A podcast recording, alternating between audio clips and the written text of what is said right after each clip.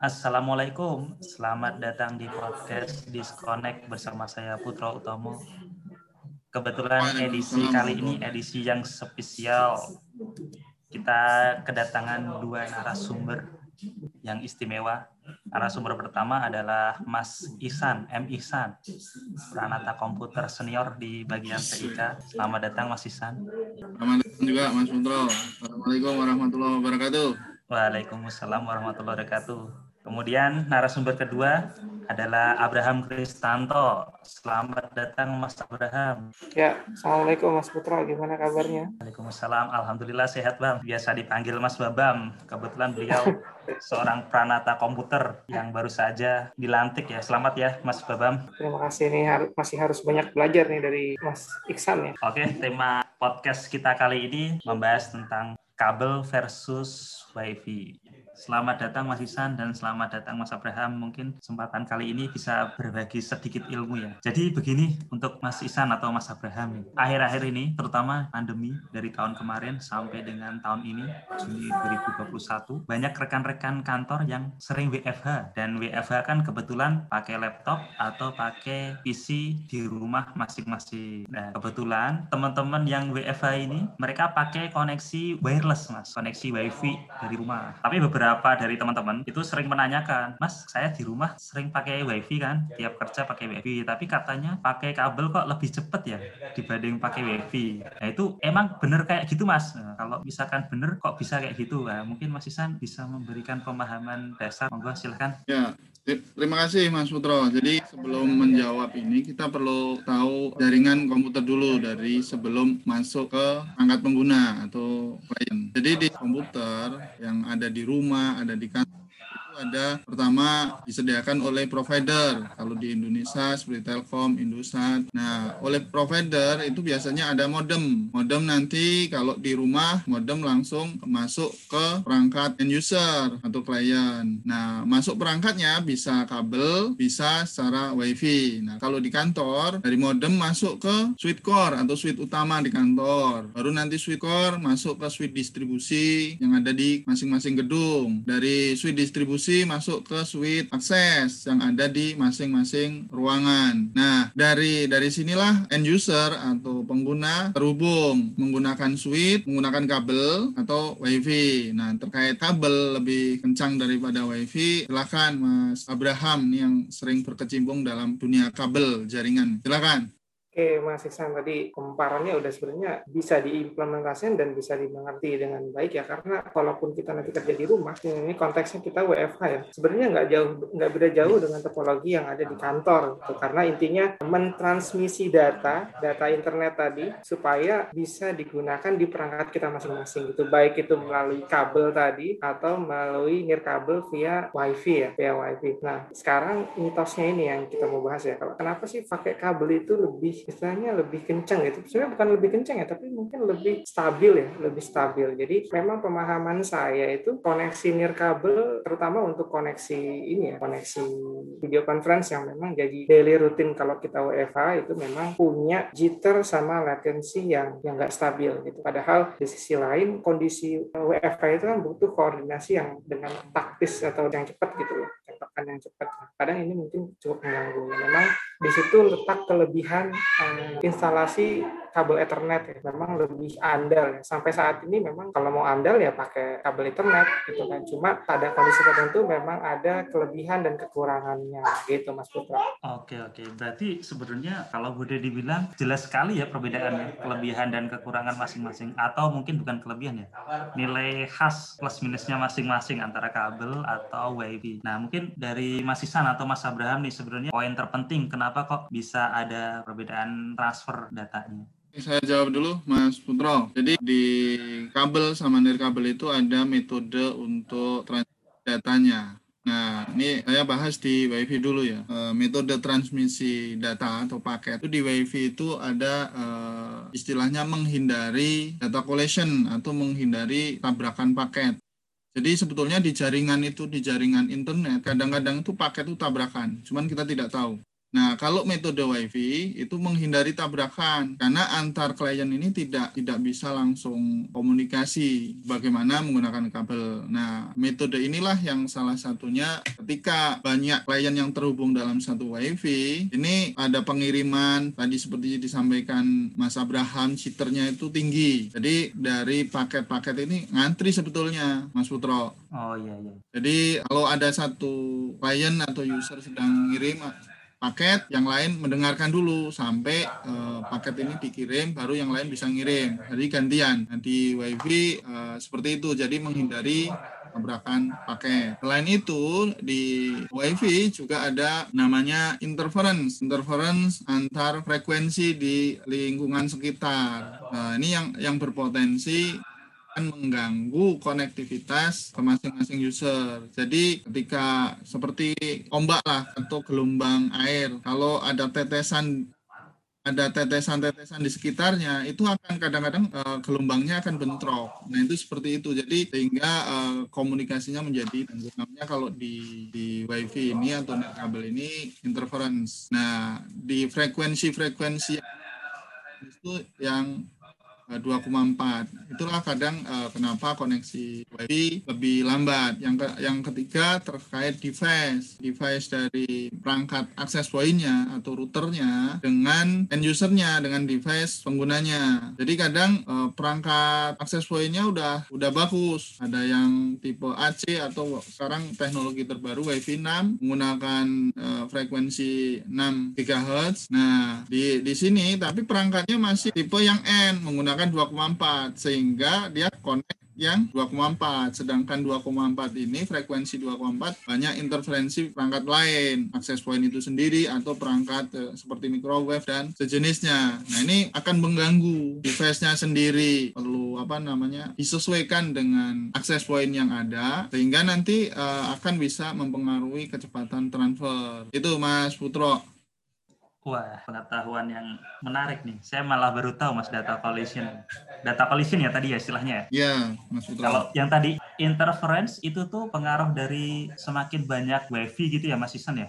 Ya, wifi, wifi di sekitarnya yang frekuensinya sama. Oh, gitu. Nah, mungkin jadi mungkin dari saya nangkap ini mas. Kalau misalkan wifi ada interference terus kabel nggak ada interference karena benar nih mas Putro. Tadi kan ada kalimat uh, kabel. Kalau kita internetan pakai kabel itu nggak ada interferensi ya. Tapi enggak mas? Ternyata iya, kata. pakai kabel pun uh, ada interference gitu. Tapi namanya kalau kita kan uh, kenal kabel itu ada kabel GTP ada kabel STP ya jadi yang adanya unsealed ada yang unsealed yang memang uh, nggak pakai pelindung ada yang satu lagi yang pakai pelindung. Nah, yang nggak pakai pelindung ini, uh, dia ada tetap uh, interferensinya, tapi interferensinya namanya elektromagnetik. Jadi mungkin dari dari sisi kelistrikan gitu, gitu, Mas Putra.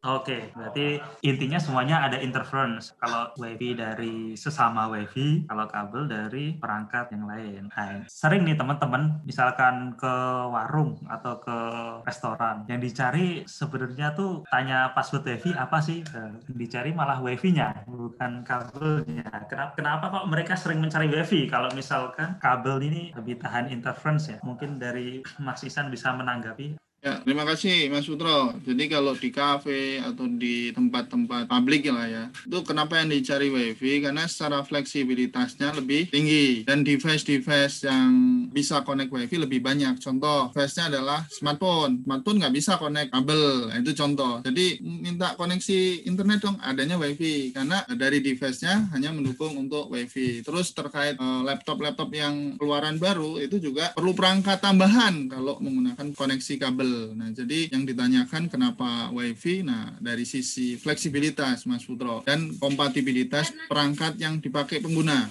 memang kalau kita nyari ke mana-mana gitu kan kayaknya hampir nggak pernah dicariin eh ada kabel Ethernet nggak sih? Ada kabel yang bisa dipakai buat internetan nggak sih? Kayaknya hampir nggak nggak ada ya karena memang teknologinya saat ini lebih ke cenderung arahnya kemudahan gitu. kemudahan mudah aksesnya mudah dari sisi implementasinya gitu kan. Karena kita tahu uh, ini kaitannya juga sama pangsa pasarnya ya. Kalau misalnya pasarannya itu kayak tadi yang ditanya dari sisi lokasi itu kayak kafe atau mall ataupun apa area publik pasti yang dicari adalah uh, wifi. Tapi untuk lokasi-lokasi tertentu ya mungkin kabel koneksinya lebih jadi pilihan ya, tetap jadi pilihan karena kalau kita pakai kabel itu memang paling cocok untuk eh, area-area kerja atau area-area yang membutuhkan lokasi yang dedicated memang perlu internet itu menurutku lebih lebih cocok pakai kabel. Jadi kalau pertanyaannya tadi kenapa lebih cocok pakai wifi ya memang karena lokasinya lebih cocok pakai uh, pakai wifi.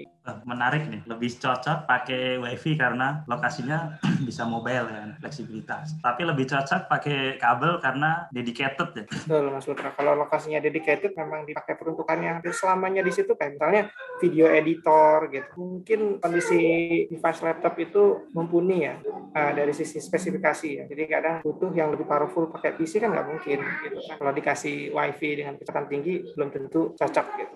Berarti sebenarnya tuh ada beberapa pekerjaan yang nggak bisa digantikan dengan akses WiFi kali ya? Atau harus tetap pakai kabel kalau tadi yang Mas Abraham sampaikan? Ya, ini kalau secara teori ya, secara yang dibaca dan saya pernah tes. Uh, jadi ini ada pengalaman sedikit waktu kita ke Pusdiklat AP, Mas Putro. Memang ditemukan di dari beberapa kali pengetesan koneksi WiFi ada jitter dan ada latensi yang cukup tinggi. Padahal kita ini seringnya rapat. Nah, ketika rapat itu, padahal latensi itu dia mengukur sinkron atau enggaknya uh, apa namanya antara video dengan audio. Jadi kebayang kalau misalnya kita lagi kondisinya jelek, pilihannya dua antara videonya melambat atau uh, berbet itu yang pertama ya. Kemudian terkait tadi ya, ada pekerjaan yang memang membutuhkan kabel. Ya, menurut saya ada.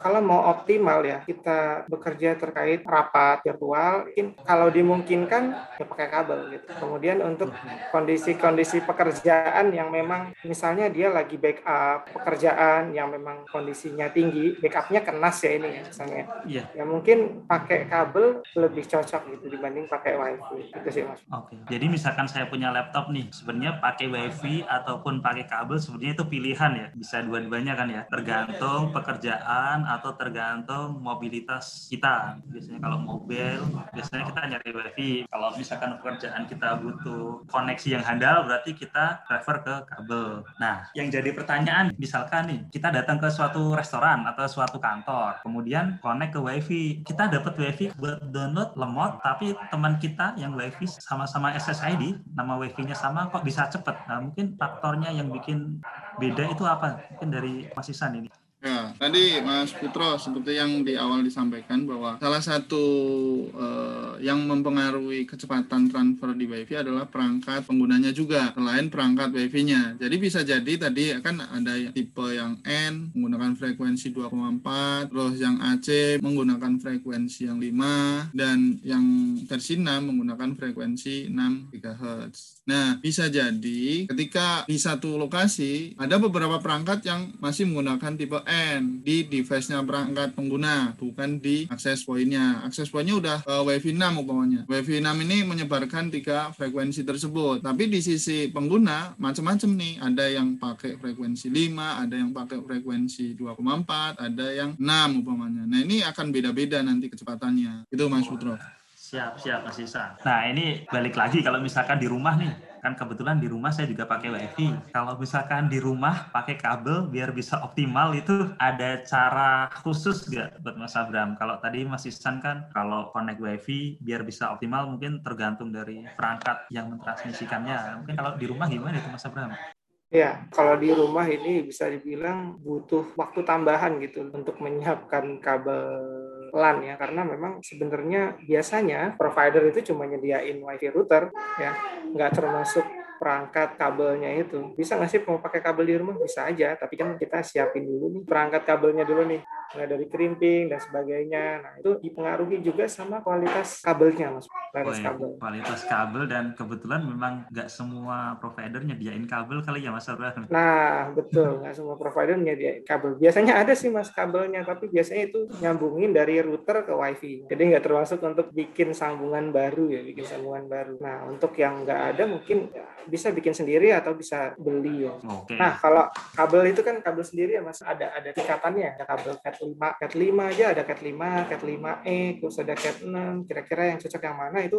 Kalau untuk rumahan sih mana pun cocok ya kalau untuk penggunaan rumahan. Jadi mau beli yang mana pun tuh masih cocok lah. Yang, yang harus dijadi seperti apa ya namanya penekanan adalah uh, pemasangannya. Pemasangannya harus tepat dan harus bagus. Itu jenis kabel mempengaruhi apa Mas Abram kalau bisa tahu kecepatan kah atau keringkesannya kah? Nah ini kalau ringkes justru lebih paling ringkes ya yang biasa mas. Yang yang cat 5 itu ringkes karena bentuknya oh, iya. ngebentuknya kita gampang. Bikinnya kita gampang. Bikin kabel dari cat 5 itu gampang. Dibandingkan bikin kabel dari cat 6 itu effortnya lebih banyak karena kabelnya lebih lebih bagus lebih tebal tapi dari sisi kecepatan itu menawarkan perbedaan. Jadi kalau cat 6 itu bisa mendukung sampai 1 giga ya. Oke oke oke.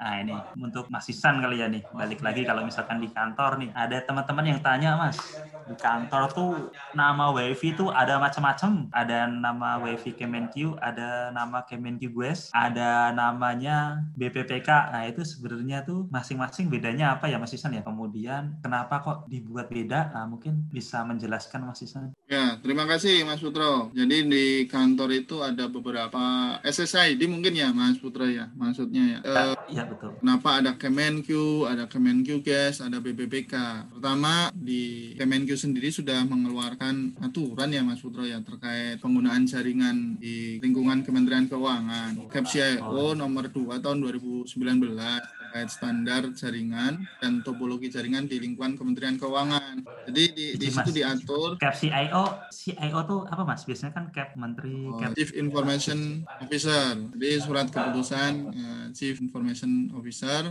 mengatur di situ ada koneksi menggunakan Q atau MNQ Gas. Nah, di sini Kemenq Gas ini diperuntukkan sebetulnya untuk tamu agar di lingkungan Kementerian Keuangan yang bisa internet tidak hanya pegawai memang. Kadang-kadang kan seperti masyarakat yang di situ meminta layanan juga butuh koneksi internet. Nah, di kantor BBBK, di lingkungan kantor BBBK juga mengimplementasikan ini, Mas Putro. Sedangkan Kemenq ini untuk koneksi pegawai di Kementerian Keuangan yang sudah memiliki aktif directory atau memiliki akun aktif directory atau email Kemenq sehingga dia koneksinya menggunakan user password email Kemenq Mas Putro. Nah, apa bedanya? Kemenq ini bisa mengakses intranet hanya aplikasi-aplikasi aplikasi yang di internal Kementerian Keuangan. Sedangkan Kemenq Gas hanya untuk tamu yang internet only atau hanya internet, sehingga tidak bisa mengakses aplikasi atau website yang hanya untuk internal di Kementerian Keuangan. Nah, di sini untuk apa? Untuk keamanan juga, Mas Putro. Jadi, andainya tamu nih bisa connect ke Kemenq Gas, nanti bisa apa? Me mengakses aplikasi-aplikasi yang ada di data center Kemenq, bisa mengetahui celah-celah keamanannya ini juga membahayakan. Itu Mas Putro. Oke oke. Tadi pernyataan menarik nih Mas pegawai Kemenq bisa menggunakan WiFi SSID-nya Kemenq. Berarti itu pegawai Kemenq bisa kerja di kantor sebelah dan bisa kerja di kantor lain gitu ya Mas Isan ya? Iya, betul sekali Mas Putro. Berarti oh. bahasanya flexible working space ya? Yes, eh, mantap. Nah, berarti FWS. memang FWS sesuai dengan FWS kita bisa kerja di mana saja, kapan Tapi saja. ada tambahan satu lagi Mas Putro. Ya, gimana Mas Isan? Namanya FLS. Mohon maaf. FLS. FLS. FLS Flexible Learning Space. Jadi bisa belajar dari mana saja. Itu Mas. Belajar dari mana saja, tapi itu ya. untuk pegawai Kemenq ya? Ya, istilahnya tidak hanya FWS Flexible Working Space, tapi ada juga namanya FLS Flexible Learning Space. Sekarang kan bisa bekerja sambil belajar atau sebaliknya. Jadi ya, dengan betul. pandemi seperti ini udah udah menjadi hal yang lumrah biasa dilakukan di Kementerian Keuangan. Itu Mas Putra. Ya, siap siap. Berarti memang saat ini ya karena ada pandemi dan kebetulan ada sistem FWS, jadi kita bisa bekerja di mana saja, belajar di mana saja. Nah, terus misalkan kita bekerja dari kantor kita sendiri atau dari kantor orang lain, tapi kita butuh kecepatan yang handal atau yang biasanya kecepatan internetnya tuh yang tinggi. Berarti kita mungkin butuh kabel internet lah. Nah, sebenarnya bisa nggak sih kalau kita minta kabel sambungan kabel internet ke laptop kita, padahal kantor kita didesain buat FWS. Nah, mungkin Mas Abraham bisa menjawab. Ya, terkait bisa nggak sih kita request kabel untuk penggunaan di kantor? Ya, jawabannya bisa. Jadi ini contoh aja. Jadi eh, beberapa minggu lalu baru aja rekan kita dari Subak Komunikasi Publik itu request penggunaan kabel di lantai 5 Dan ini peruntukannya biasanya di lantai 5 itu untuk pelantikan, untuk live streaming. Ya. Jadi memang request uh, permintaan kabel diperkenankan, tinggal nanti permintaannya diajukan langsung ke unit teknis yang menangani. Dalam hal ini di TIK. Gitu, Mas Putra. Oke, terima kasih Mas Abraham. Berarti intinya semuanya harus melalui yang khusus pemasangan kabel ya harus melalui TIK dulu ya yang bertanggung jawab untuk menyediakan akses layanan kabel. Kan begitu Mas iya, Abraham? Betul Mas Putra. Oke, terima kasih Mas Abraham. Oke, terima kasih Mas Isan penjelasannya dan Mas Abraham juga pemaparannya luar biasa informasi yang diberikan oleh kedua narasumber kita. Jadi antara WiFi versus kabel tidak ada yang menang atau tidak yang kalah tergantung penggunaannya, mau yang fleksibilitas tinggi atau mau yang kehandalan tinggi, tergantung penggunaan masing-masing. Dan sekali lagi terima kasih Mas Isan, jangan bosan-bosan untuk menjadi narasumber di acara podcast kita. Siap, Mas Putra. Dan terima kasih Mas Abraham untuk menjadi narasumber di podcast kita. Sampai jumpa lagi di acara podcast Disconnect. Assalamualaikum warahmatullahi wabarakatuh. Waalaikumsalam warahmatullahi wabarakatuh.